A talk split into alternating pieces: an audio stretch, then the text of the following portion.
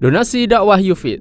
Yuk berikan amal jariah terbaik Anda untuk dakwah dan pendidikan Islam.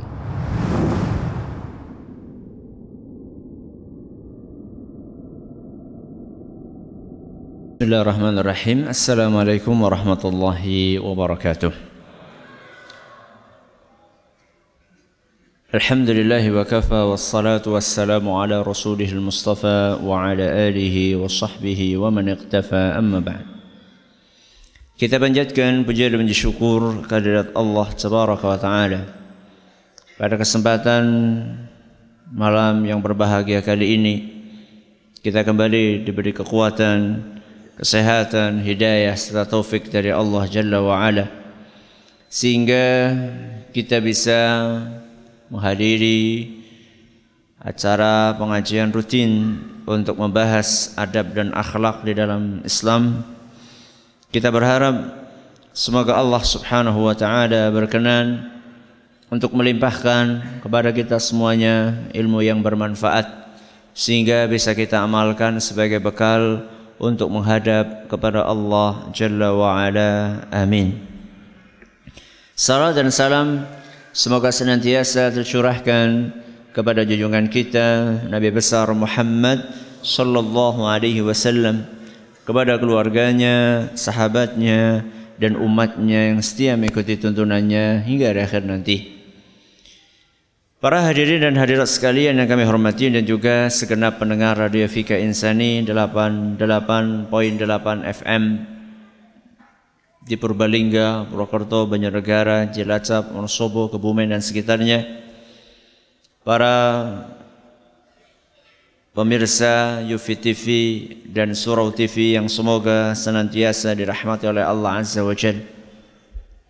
Alhamdulillah pada pertemuan yang lalu kita telah menyampaikan prolog pendahuluan tentang dilarangnya menyerupai menyerupai setan. Dilarangnya menyerupai setan. Kita sampaikan prolog tersebut dalam rangka untuk memberikan pendahuluan tentang hadis yang insya Allah akan kita bahas pada malam hari ini yaitu hadis yang ke-15 yang dibawakan oleh Imam Ibn Hajar Al-Asqalani dalam kitab beliau Bulughul Maram Kitabul Jami' yang berbunyi wa anhu anna Rasulullah sallallahu alaihi wasallam qal. Dari beliau maksudnya dari seorang sahabat yaitu Abdullah ibnu Umar radhiyallahu anhuma bahwa Rasulullah sallallahu alaihi wasallam bersabda idza akala ahadukum falyakul biyaminihi seandainya salah seorang di antara kalian makan makanlah dengan tangan kanan. Wa idza syariba falyashrab biyaminihi. Dan seandainya dia ingin minum, maka minumlah dengan tangan kanannya. Fa inna syaitana ya'kulu bishimalihi wa yashrabu bishimalihi.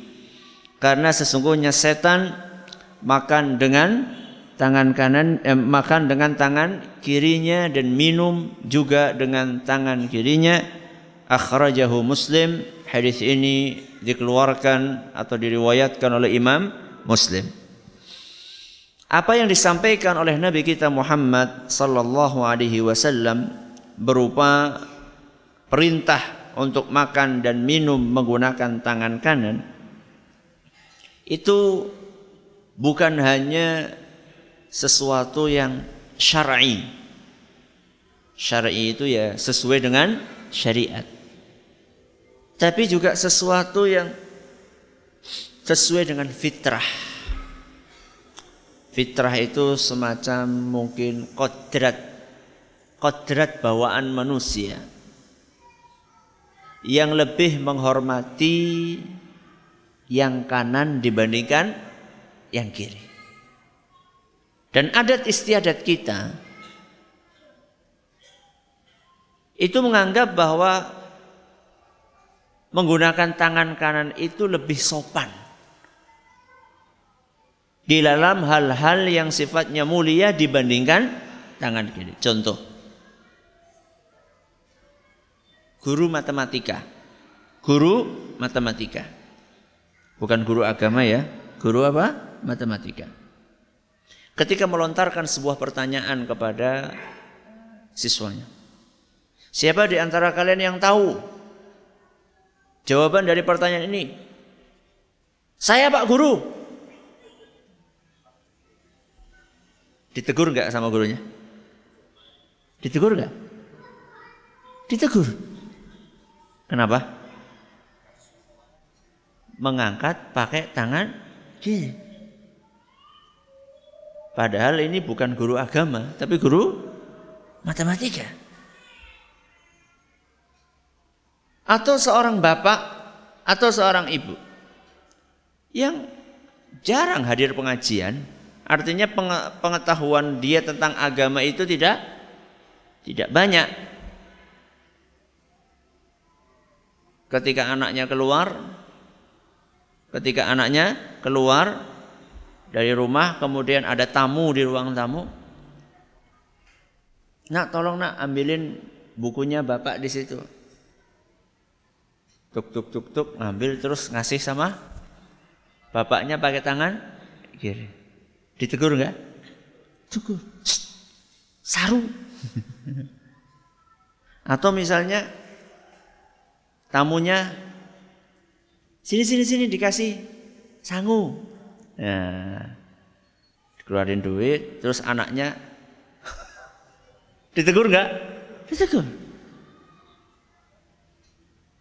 Padahal orang-orang yang saya sebutkan tadi mungkin mereka itu enggak jauh dari pemahaman tentang agama.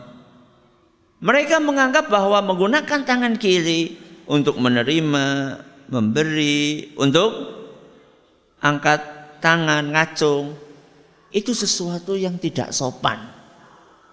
Sesuatu yang tidak baik. Tapi anehnya, Anehnya, orang-orang tersebut, guru tadi ketika melihat ada muridnya di kantin makan pakai tangan kiri. Anehnya ada di antara mereka yang membiarkan. Padahal tadi ketika di kelas ada anak ngacung pakai tangan kiri ditegur, ketika di jalan melihat anak tersebut makan pakai tangan kiri, loh ya biasa lah. Dan mungkin bapak tadi, ya, bapak tadi yang menegur anaknya saat menerima atau memberi dengan tangan kirinya melihat anaknya minum pakai tangan kiri di di biarkan.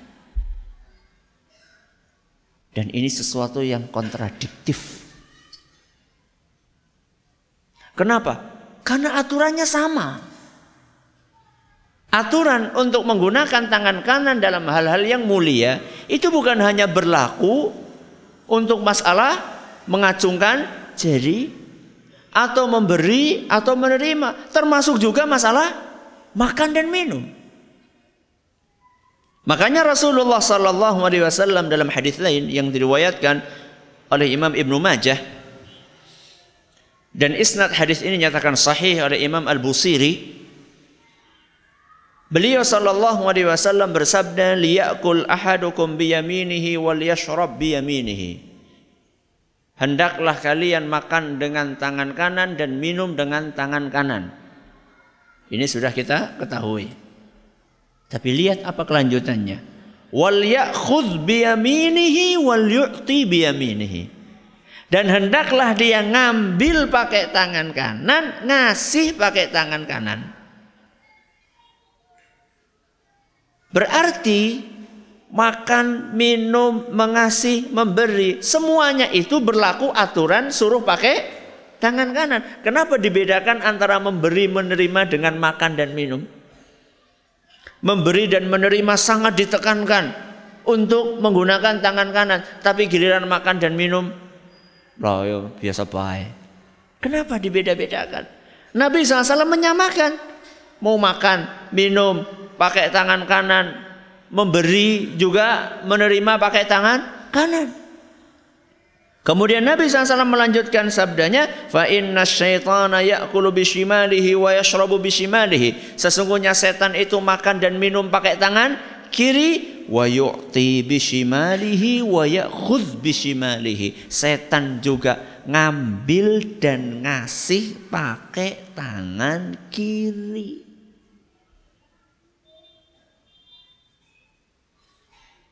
Kenapa ya? Masih banyak di antara kaum muslimin. Kadang-kadang wis tua, eh si baik nek ngombe nganggo tangan Kenapa? Urung ngerti? Kira-kira mereka tahu atau tidak? Kemungkinan besar tahu. Tapi kenapa? Masih banyak di antara mereka yang terbiasa untuk makan, minum, terutama minum. Terutama minum pakai tangan kiri. Kenapa? Refleks. Kenapa bisa terjadi refleks? Karena kebiasaan yang bersumber dan berawal dari pembiaran. Kenapa pembiaran? Jor kelowor. Gue jangan pembiaran. Siapa yang membiarkan? Siapa yang membiarkan? Orang tua? Mungkin atau kita yang melihat orang lain pakai tangan kiri kita biarkan. Saya tanya, pendidikan anak itu tanggung jawabnya siapa? Tanggung jawabnya siapa? Orang tua. Berarti tetangga nggak perlu. Tanggung jawab utamanya ada di tangan bapak dan ibu. Tapi seharusnya kita itu peduli dengan lingkungan kita. Dan ini yang berusaha untuk kami terapkan di lingkungan kami. Sekeliling pondok. Saya nggak peduli itu anaknya siapa. Tapi kalau saya ngelihat anak ini minum, makan pakai tangan kiri atau berdiri, saya tegur. Gak peduli itu anak saya atau bukan anak saya. Kenapa? Karena saya ingin anak saya digitukan sama orang lain. Jenengan kalau anak yang jenengan berbuat salah terus ditegur sama orang lain, jenengan seneng apa marah? Temenon. Atau malah, "Ge, urusan urusan gue anakku, gue itu anakmu." Seperti itu? Salah. Harusnya kita senang bahwa ada orang yang peduli dengan anak kita. Tapi ya tetap dengan cara yang baik, ya tetap dengan cara yang baik itu harus, ya. Sering anak-anak TPK yang ada di pondok, kadang-kadang dia minum sambil berdiri, sambil jalan. Tegur, nak, loh kok sambil berdiri? Kok pakai tangan? kiri. Harus kita lakukan. Pembiasaan versus pembiaran. Ya. Pembiasaan untuk kebaikan akan mengantarkan kepada kebaikan. Pembiaran terhadap keburukan akan mengantarkan kepada keburukan. Makanya Rasulullah Sallallahu Alaihi Wasallam dalam sebuah hadis yang diriwayatkan oleh Imam Bukhari dan Muslim, beliau membiasakan seorang anak kecil yang bukan putra beliau, bukan cucu beliau, seorang anak kecil yang sering membantu Nabi SAW. Sering masuk ke rumah Nabi SAW. Dibiasakan sama beliau, bukan anaknya, bukan cucunya. Namanya Umar bin Abi Salamah. Siapa namanya? Umar bin Abi Salamah. Nabi SAW pernah nasihati ya gulam. Ya gulam. Apa ya gulam? Le. Kata orang Jawa. Kalau perempuan? Duk. Ya. Atau orang Indonesia mengatakan nak. Ya gulam Samillah. Kalau makan baca bismillah. Wa kul biyaminika makan pakai tangan kanan. Wa kul mimma yalika makanlah makanan yang terdekat. Hadis riwayat Bukhari dan Muslim. Etika diajarkan sama Nabi SAW sejak kecil. Allah bisa karena biasa. Yang repot itu sudah terbiasa ditegur nggak mau. Geng, geng, si. Apalagi yang negur anak kecil. Anak kecil itu muridnya lagi. Pak guru. Nah, kok minumnya pakai tangan kiri? Kira-kira jawabannya Pak guru apa? Coba, mana Pak guru, Pak guru? Jawabnya apa kira-kira Pak guru?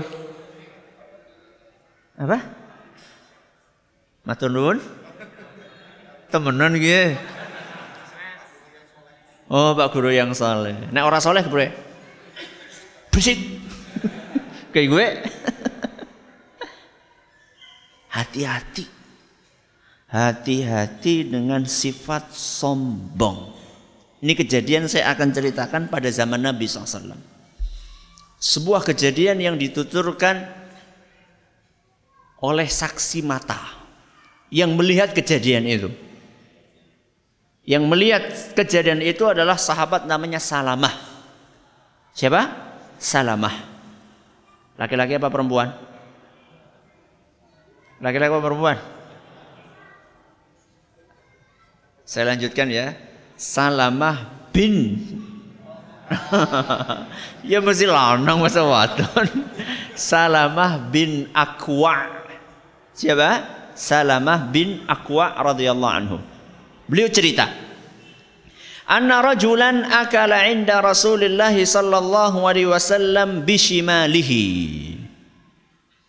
Beliau cerita pada suatu hari ada seseorang makan pakai tangan kiri di hadapan Nabi SAW. Perbuatan positif atau negatif? Negatif, perbuatan jelek. Nabi diam? Tidak. Faqala Nabi SAW menegur kul biyaminika. Makanlah dengan tangan kanan. Apa jawabannya? La astati'. Wahai Nabi, saya nggak bisa. Saya nggak bisa. Enggak bisa kenapa? Stroke? Lumpuh? Enggak. Nanti kita akan lihat orang ini di belakang hadis ini dia itu enggak bisa itu karena gengsi. Sombong. Enggak mau di enggak mau di tegur. Enggak mau dinasehati. Ketika orang tersebut mengatakan, aku enggak bisa wahai Rasul. Nabi SAW mengatakan lastata'ta kamu tidak akan bisa. Ini bahasanya wong Jawa diapakan? Didoakan jelek. Lastata'ta kamu tidak akan bisa. Ma mana'ahu illal kibr. Yang membuat dia tidak mau menggunakan tangan kanan adalah kesombongan. Nabi SAW mengatakan, kamu tidak akan bisa. Apa efeknya kita dengar. Fama rafa'aha ila fihi. Setelah doa Nabi SAW tadi, orang tersebut tidak bisa mengangkat tangan kanannya ke mulutnya alias lumpuh. Hadis riwayat Muslim. gengsi, sombong, menerima nasihat itu bahaya. Priwe ngesuk esi ngomong berisik maning apa ora? Atau seharusnya nopo? Oh masya Allah, matur nuwun ya, alhamdulillah dia mutakan. Kok bijinya tak tambah ya? apa dikurangi malah? ya ora sopan loh, subhanallah. Lu mengingatkan kok nggak sopan. Kalau caranya baik, kalau caranya baik. Ya.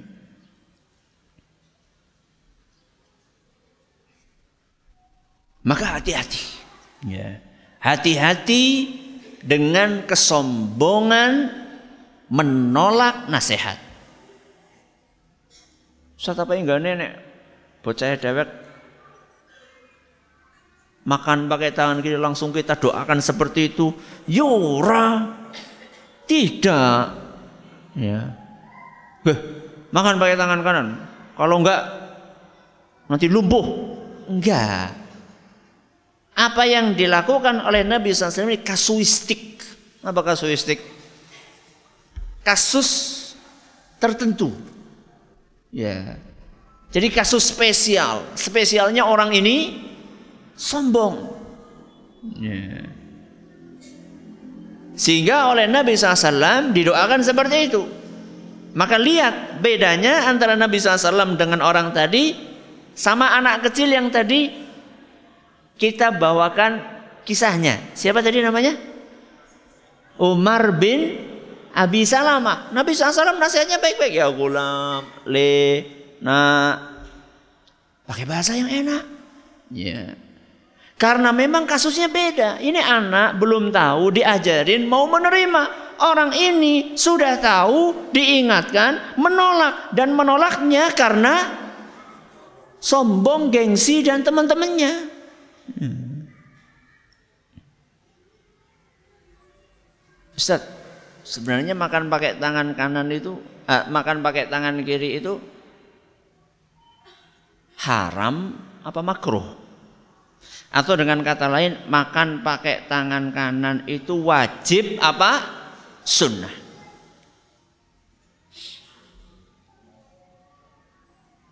Haram apa makruh? Ini saya perhatikan jadi lebih hati-hati sekarang. Zaman nggak kayak dulu. dulu langsung terus. ulama berbeda pendapat. Para ulama berbeda pendapat. Mayoritas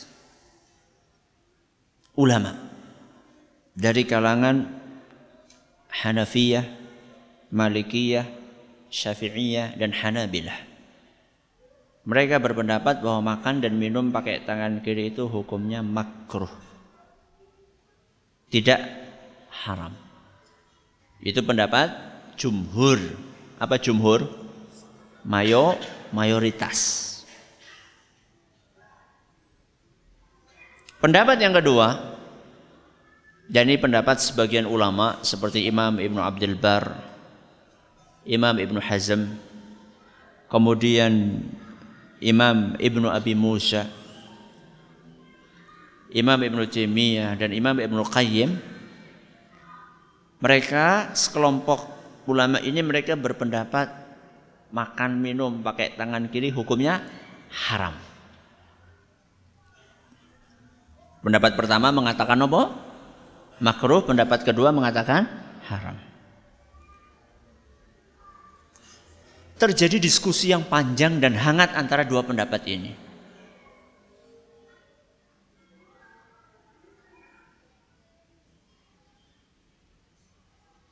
Masing-masing punya argumen yang mengatakan makruh maupun yang mengatakan haram.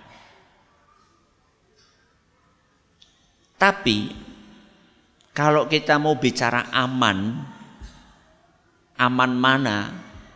Ya tentu aman minum pakai tangan kanan.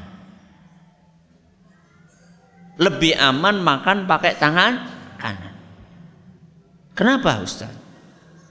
Karena ulama yang memakruhkan makan dan minum pakai tangan kiri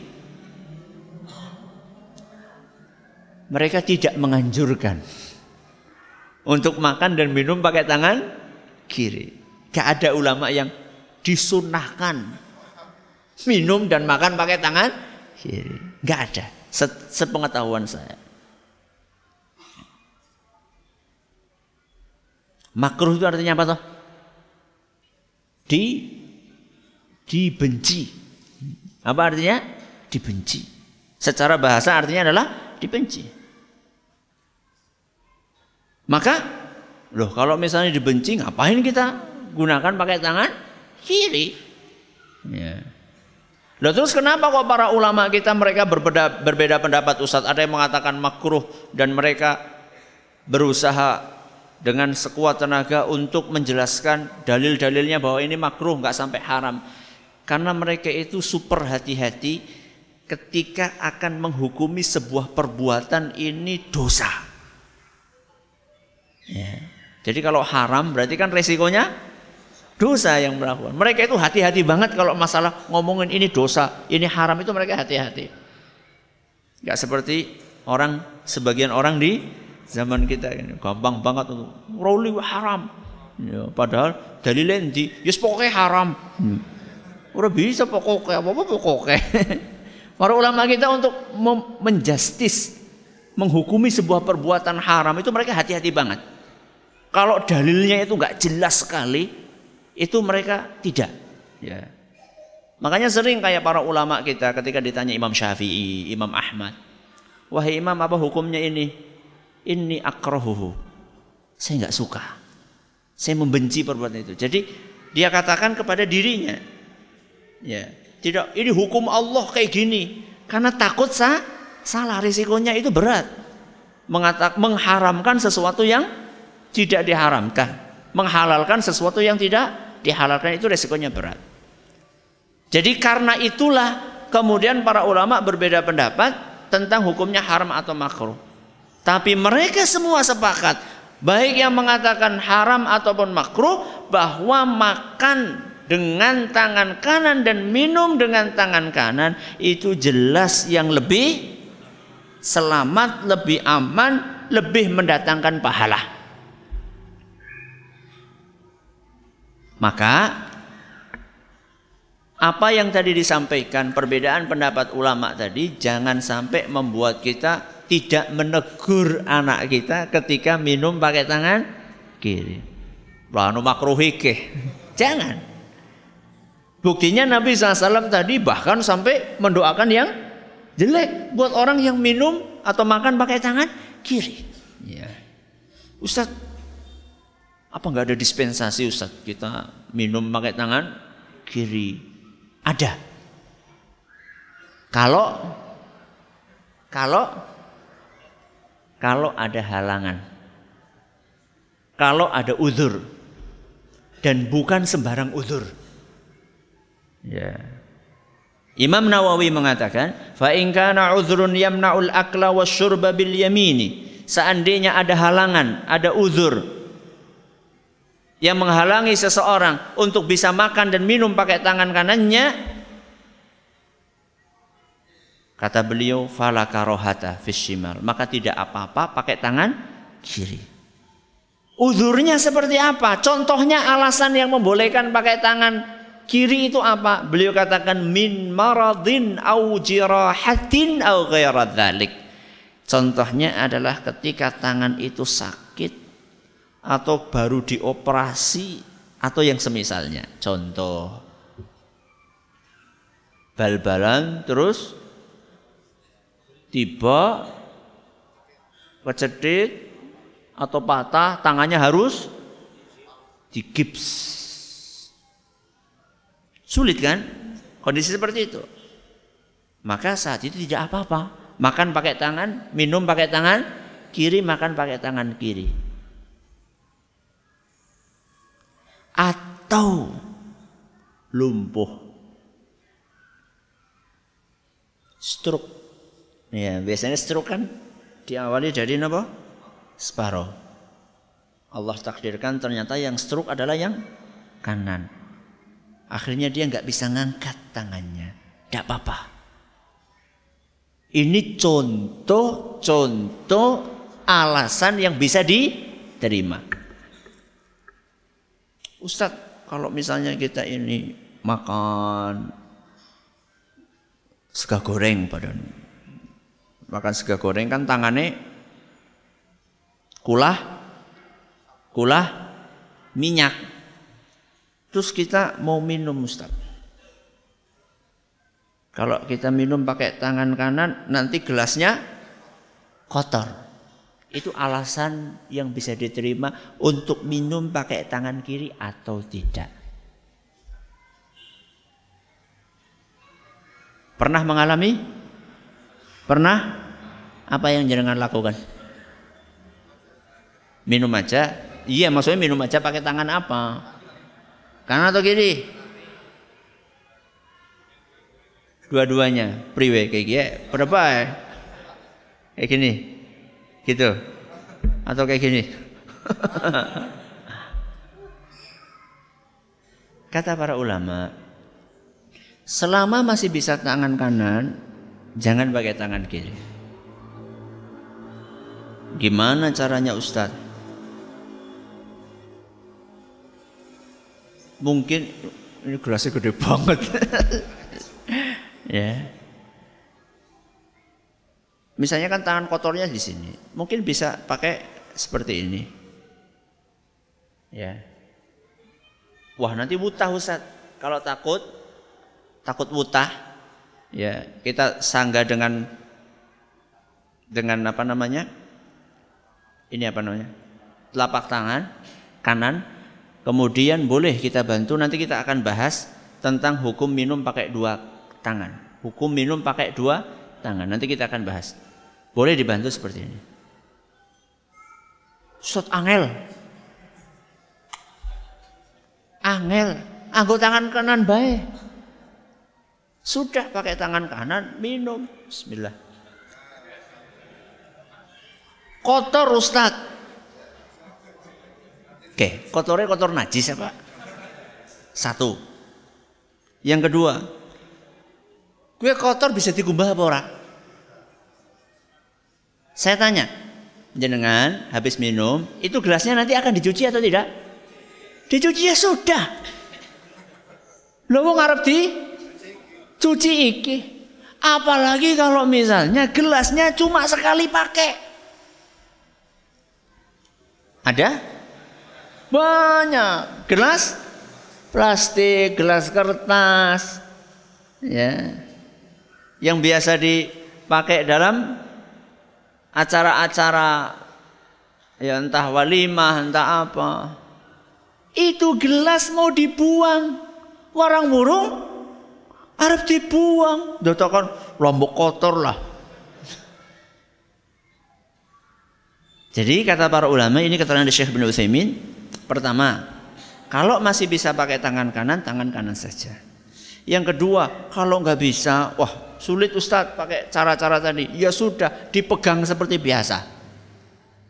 Kotor Ustadz, kotornya bukan kotor najis. Kemudian jawaban berikutnya, kalaupun seperti itu, kotor bukan najis, itu pun nanti bakalan dicuci. Bahkan dalam kondisi yang lainnya, gelas sekali pakai, setelah dipakai bakalan dibuang. Makanya ada seorang ulama lain mengatakan menjawab orang yang mengatakan nanti kalau pakai tangan kanan gelasnya kotor. Apa kata beliau? Lebih baik mengotori gelas daripada mengotori sunnah Rasul Sallallahu Alaihi Wasallam. Apa kata beliau? Lebih baik mengotori gelas daripada mengotori sunnah Rasul SAW. Itu menunjukkan apa?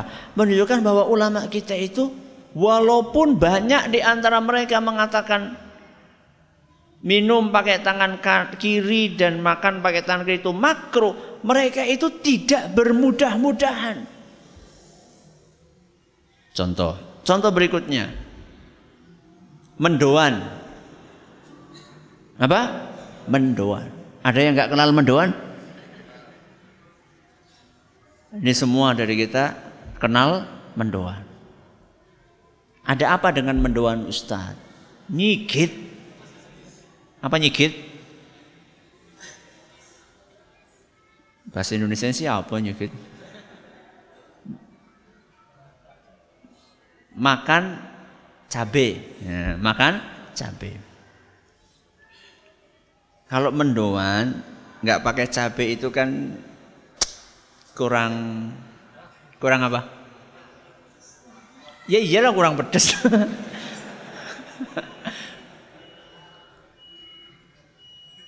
kurang mantep.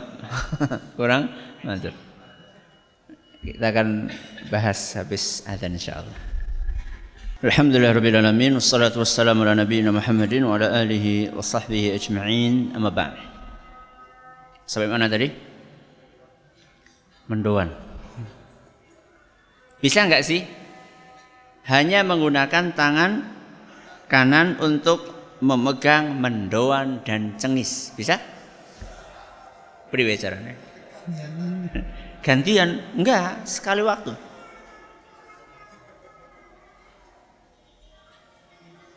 Orang nak cengis, orang mendoan nih.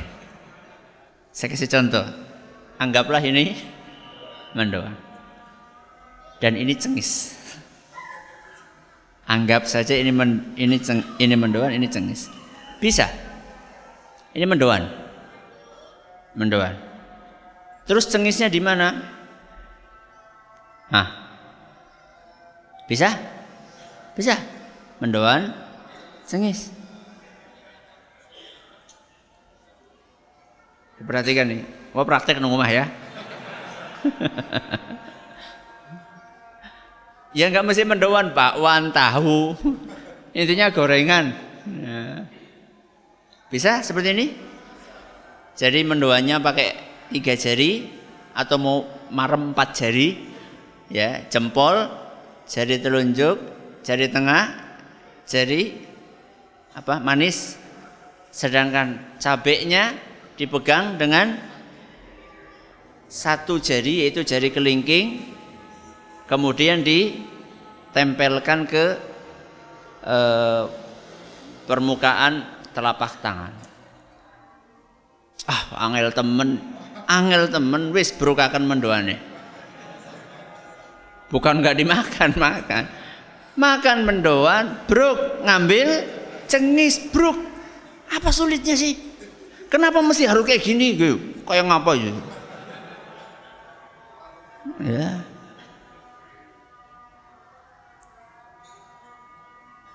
Ini masalah mendoan. Ya, masalah mendoan. Jadi masih bisa. Masih bisa untuk menggunakan tangan kanan. Kalau kidal.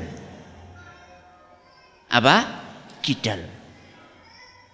Ada sebagian orang terbiasa atau memang bawaan untuk menggunakan aktivitas aktivitasnya dengan tangan kiri alias manusia kidal. Ini bagaimana Ustaz?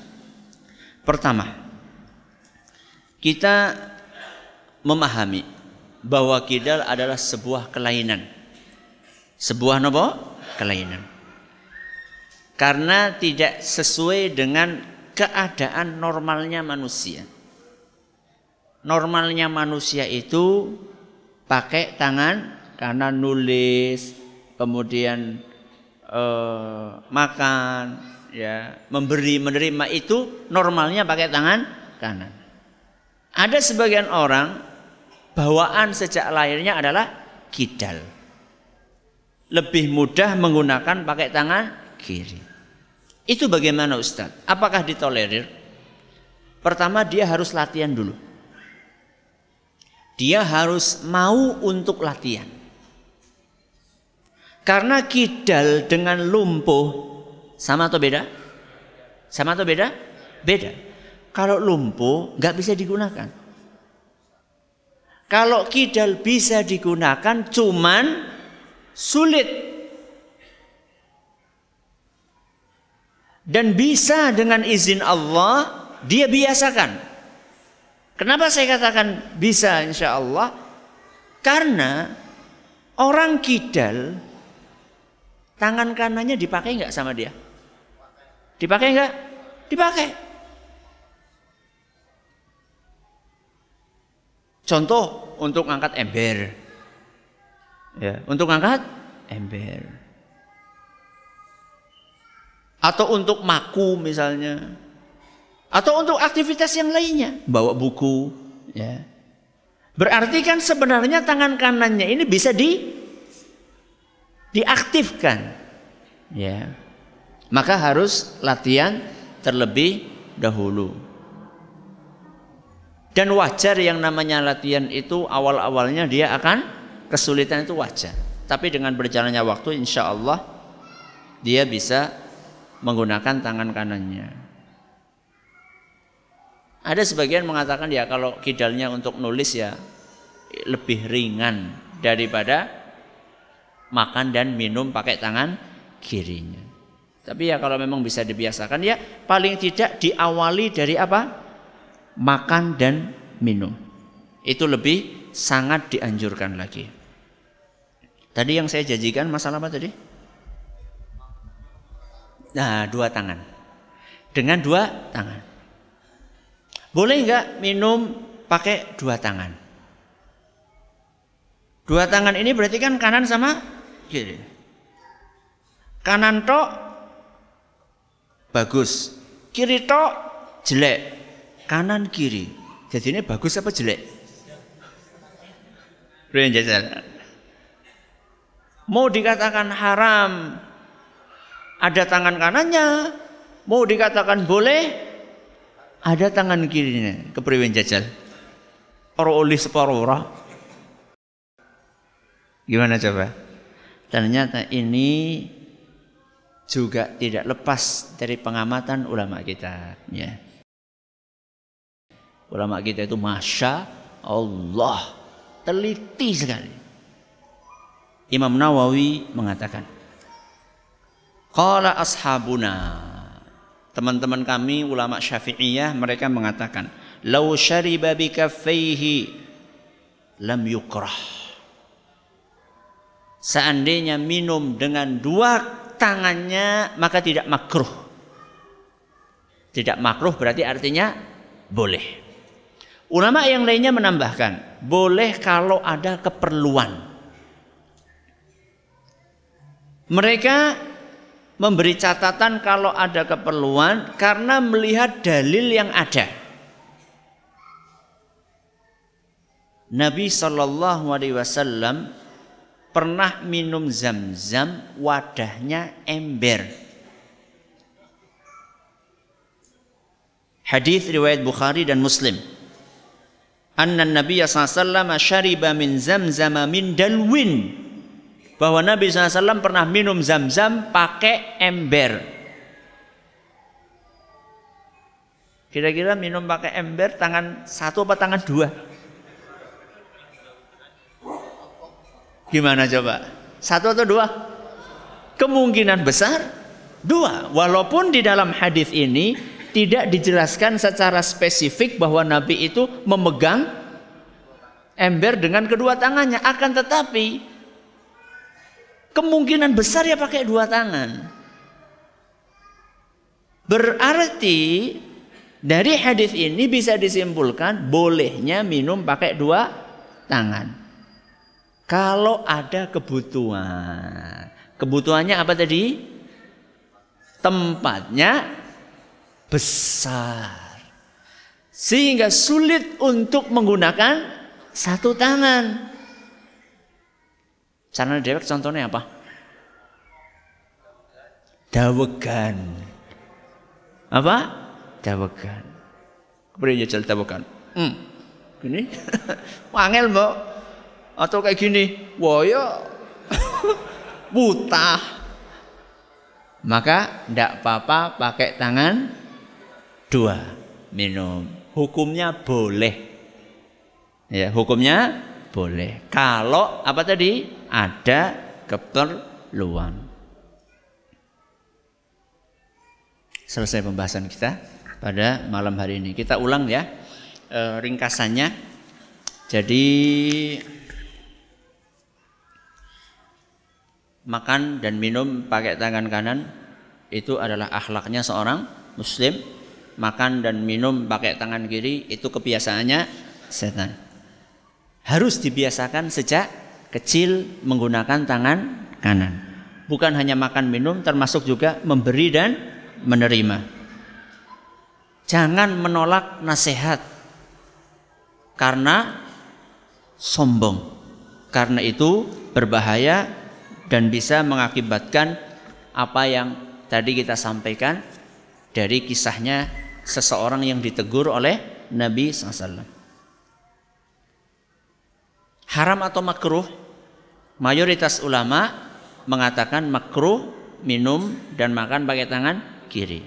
Sebagian ulama berpendapat haram dan lebih aman kita berusaha untuk menggunakan tangan kanan dan minum pakai tangan kanan atau minum pakai tangan kanan. Kapan boleh menggunakan tangan kiri? Ketika ada alasan yang bisa diterima, contohnya lumpuh, kecelakaan dan seterusnya. Orang kidal bagaimana? Disuruh untuk latihan. Dan yang terakhir barusan boleh nggak minum dan makan atau minum pakai tangan dua, dua tangan kanan dan kiri, boleh atau tidak? Boleh kalau ada kebutuhan. Ini ringkasan dari kajian kita hari ini. Esok insya Allah kita akan melanjutkan hadis berikutnya, hadis yang ke-16. Terima kasih atas perhatiannya, mohon atas segala kurangannya. Kita tutup dengan membaca Subhanakallahumma wa bihamdika asyhadu an la ilaha illa anta astaghfiruka wa atubu ilaik. Wassalamualaikum warahmatullahi wabarakatuh. Donasi dakwah Yufid. Yuk berikan amal jariah terbaik Anda untuk dakwah dan pendidikan Islam.